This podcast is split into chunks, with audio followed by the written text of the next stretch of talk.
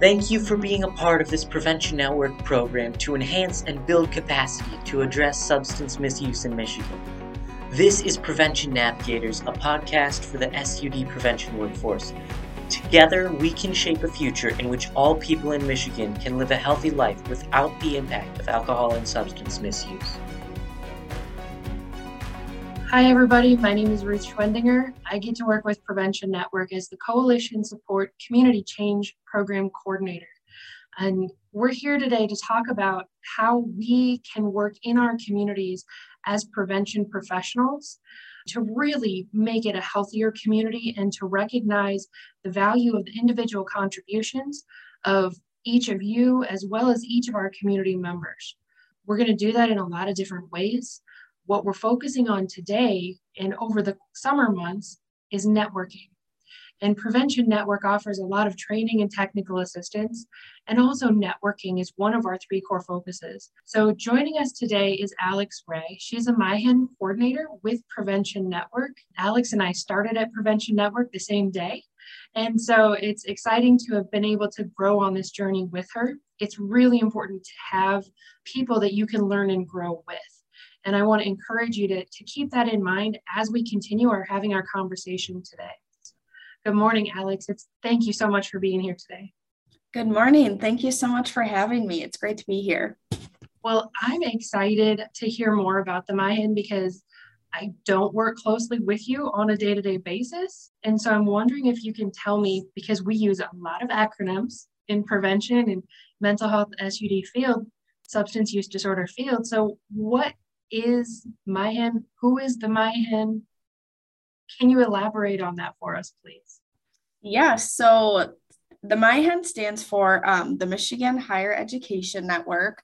It's been around for about six to seven years. So, this is a program within Prevention Network that helps to provide colleges and universities, along with coalitions as well, the tools and resources and support to help launch alcohol and drug misuse prevention and recovery programs, whether that be on their campus or within their communities.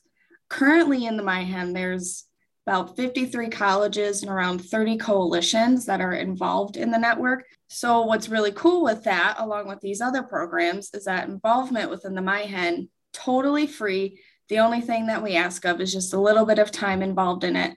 Otherwise, it's a totally free network and it's phenomenal. The MIHIN is totally open to anyone who wants to be involved in helping those with substance use disorders in communities and on college campuses. There is more of a focus on the higher education aspect and the college age students, but the MIHIN is open, open to any of those voices that come to the table with all of these different resources that we have. So we do, I do, I would love to welcome that because I think new voices and new resources are always key. Is that when we're asking for more involvement from different organizations, we're really asking for people to join us as we're trying to be more proactive, as we are focusing on prevention instead of crisis management. And that's one of the things that I see as highly valuable in prevention. We recognize the value of the individual, but the individual is supported in a community, in the environment in which they're growing.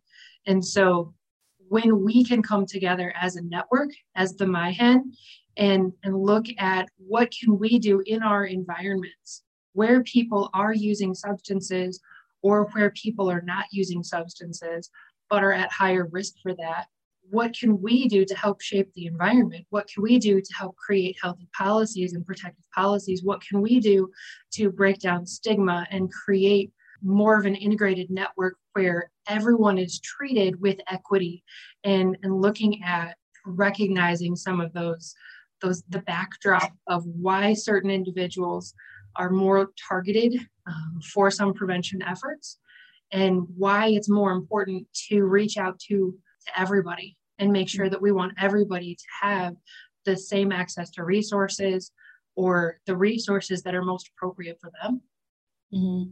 And so, really, it doesn't happen unless we bring everybody into the same conversation and say, what is it that you need? What is it that you recognize in your community, in your lives, what are you seeing? And so I think that the MyHen does a really nice job of focusing on recovery and prevention on college campuses. And in reality, whoever needs the help and support that they need. And like you were talking about earlier, just getting everyone to work together on the same thing. The world is ever changing, people are ever changing, everyone is so different. And you we're slowly starting to see an uprising in people recognizing substance misuse and mental health and putting more of a focus on that, which is phenomenal. And we know there's all these different groups of people who focus on recovery and mental health and substance misuse. Now it's just a matter of bringing all of these groups together as one and working to help each other within these communities. And like you said too, the MyHen is a great safe space for that. You said a lot of people are focusing on on similar things. What are the current priority areas that people in the MyHen have identified right now? And that I'm still hearing, even though colleges and universities are back in person in a lot of places, is really that focus on mental health and how it's affecting those with substance misuse. I wonder if we can we can go back and talk a little more about mental health mm-hmm. um, and how young people in in those institutes of higher learning were able to connect and build connections during COVID and what people talked about and how did they learn from one another. Mm-hmm. Uh, one of the things that we know about mental health is that our mental health is going to be better when we have a safe, responsible adult or person that we mm-hmm. respect to talk to. Uh, when that line of communication is open with at least one one person, and so a lot of the high schools and younger created an intentional outreach between a teacher or a staff member and students to create that one-on-one opportunity for conversation. However, many of the, the school staff and teachers were not equipped to handle the mental health needs of the students. Mm-hmm. And so I'm wondering if you saw something, and that lead, is leading to increased burnout for teachers, which mm-hmm. pounded the problems of COVID and the other demands on our teachers with their concerns about physical health and mm-hmm. safety and curriculum and combining all of it virtually and still meeting testing criteria requirements for students and passing. And so, was the situation any different at institutes of higher education? It definitely burnout hugely still, especially for these counselors on campuses. Um, I've heard from a lot of schools these counseling centers are on like six month wait lists to get students in because there's so many students who would like to receive counseling whether that be for mental health or substance misuse, anything on that order. So many students and so little counselors. So that burnout is definitely right in there with it.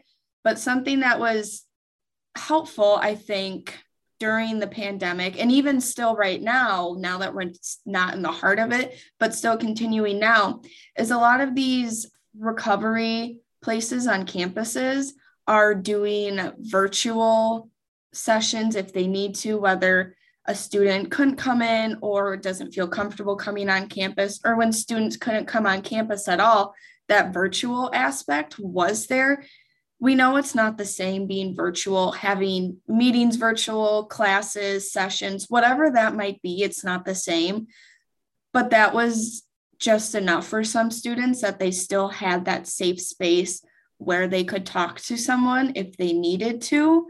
So that was a really nice thing that we could still do on campuses.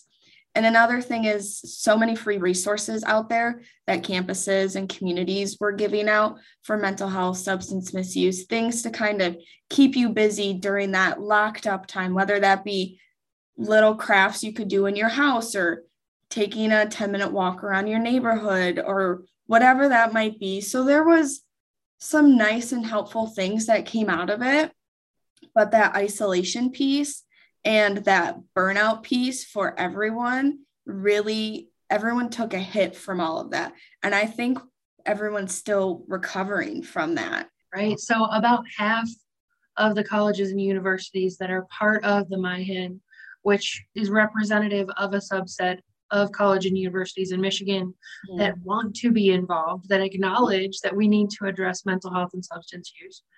Of that subset in Michigan of people who recognize the value of, of addressing these things collaboratively, about half have someone on campus with some type of counseling support available. Mm-hmm. Of those people, 100% are experiencing burnout. Mm-hmm. But a lot of a lot of resources I've personally found aren't really big resources resources in a way. It's more of that here are tips and tricks for when you're experiencing burnout. But I imagine that people who are working on college campuses feel even more alone and isolated when they're talking and trying to identify with people who understand the situations they're in because it is a very unique environment mm-hmm. on a college campus. Um, there's a lot of things that they're dealing with that other people working in prevention don't deal with. Mm-hmm. When I'm asking about what supports are out there for the people serving those young people, mm-hmm. is that a is that a need that MyHen meets? The, the MyHen fills that gap for people who are kind of feeling isolated or burnt out on college campuses? Mm-hmm. I would like to say that for some people, I would hope we can meet that need for them. Like you said, filling that gap of isolation when it comes to burnout and whatnot. So that is something working to focus on. That's what I want to be here for is to help people wherever they're at, meet them where they're at, and to fill fill that void with whatever they might need. That's fantastic. I love your purpose. I love your focus. I love the value that the MyHen brings to people working across Michigan. That opportunity for people to connect with resources to help track down those resources and create some resources. So there's a lot of quite a few different ways when you're involved with the MyHen that everyone's connected together. So I'll kind of start with that. So, like just mentioned before, the quarterly meetings, four meetings a year. You said the annual MyHen conference. That's a really nice way to get a whole day of phenomenal information from phenomenal speakers. And a way to get involved with the MyHen is to, you can either email me, it's A-L-E-X-W at preventionnetwork.org.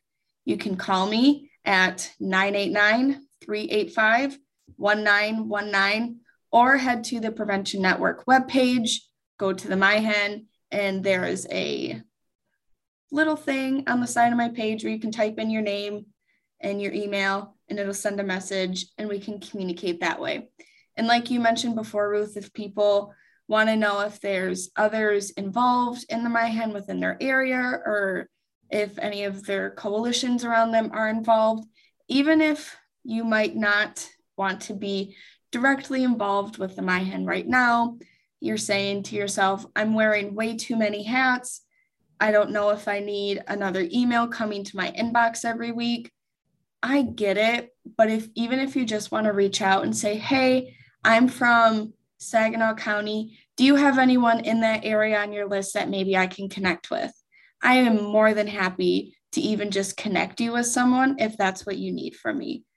So there's a lot of different ways to get involved and whether you want to get involved or not, please feel free to reach out to me and I I will be there to help with any needs that you might need. Thank you. And you you've done a phenomenal job of, of kind of revamping the web page for for the MyHen. And so the calendar on that page has um, the, those regular meetings are listed uh, when we're talking about upcoming events and trainings, you also have like the latest research published. Mm-hmm. And so that's really helpful too, because it's an ever changing landscape. So thank you so much, Alex, for, for sharing with us about the MyHen today, the Michigan's Higher Education Network. I invite our listeners to reach out to Alex in one of the ways that she described and invite everybody to come back next time. Thank you so much. We invite you to respond by getting connected. Subscribe and listen. Visit our online community. Contact Ruth to participate in workshops or request one on one guidance about this month's topic. Email Ruth at ruths at preventionnetwork.org or call 517 393 6890. Thank you so much for your contributions to shape the future through prevention. This has been Prevention Navigators, a Prevention Network program.